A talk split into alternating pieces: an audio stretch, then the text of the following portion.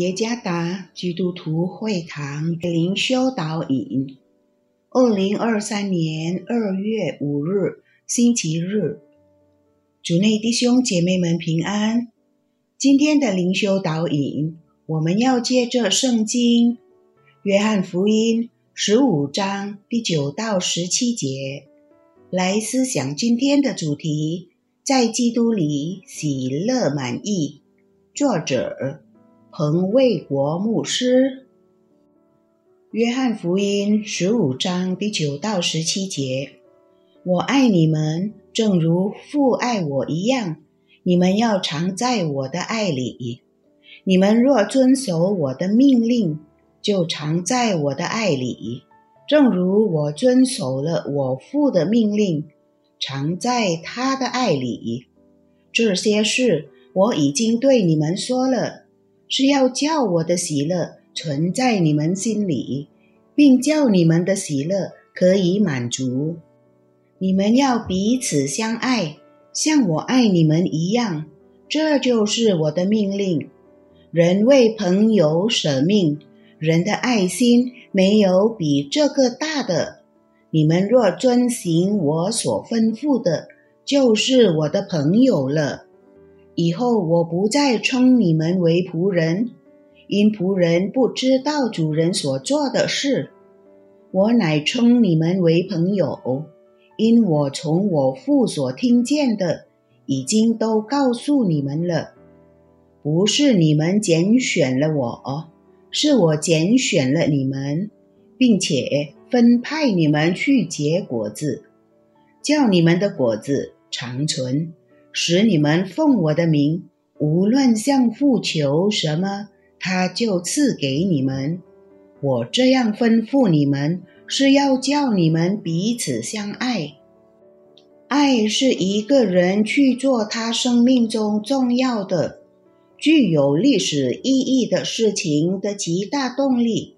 例如，爱推动一对青年男女在神圣婚姻的祝福下。在上帝和他的子民面前立下忠诚的誓言，为实现这美好而崇高的初衷，他们筹划已久，精心准备。为了婚礼的成功，他们花了很多钱，例如选择一个美丽的海滩作为他们的婚礼场地。即使是在烈日下，爱的力量给了他们极大的快乐。在基督徒的生活中也是如此，爱的因素决定了基督徒喜乐的品质。耶稣解释了实践爱的生活与将体验到的喜乐品质之间的关系。这就是为什么。耶稣吩咐信徒要彼此相爱。作为神的子民，我们需要彼此相爱，就像父神和耶稣基督彼此相爱一样。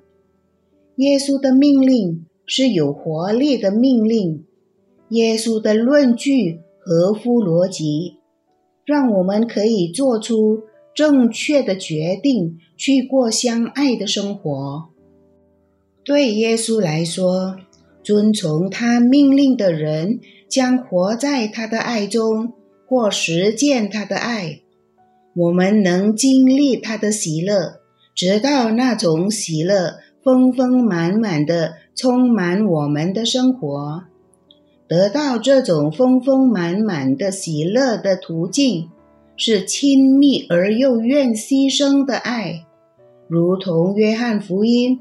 十五章十三到十四节讲的为朋友舍命之爱，我们的生活又当如何呢？我们是否想体验丰满的喜乐？这种喜乐不能靠金钱、成就或受人欢迎，而是因为有丰满的爱。如果一个人，想经历在基督里丰满的喜乐，他就必须实践相爱的生活方式。就像耶稣和天父彼此相爱一样，我们每一个人建立与上帝和人亲密的关系，并且努力一直的活在这爱里。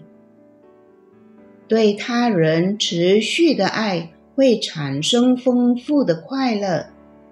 主耶稣赐福。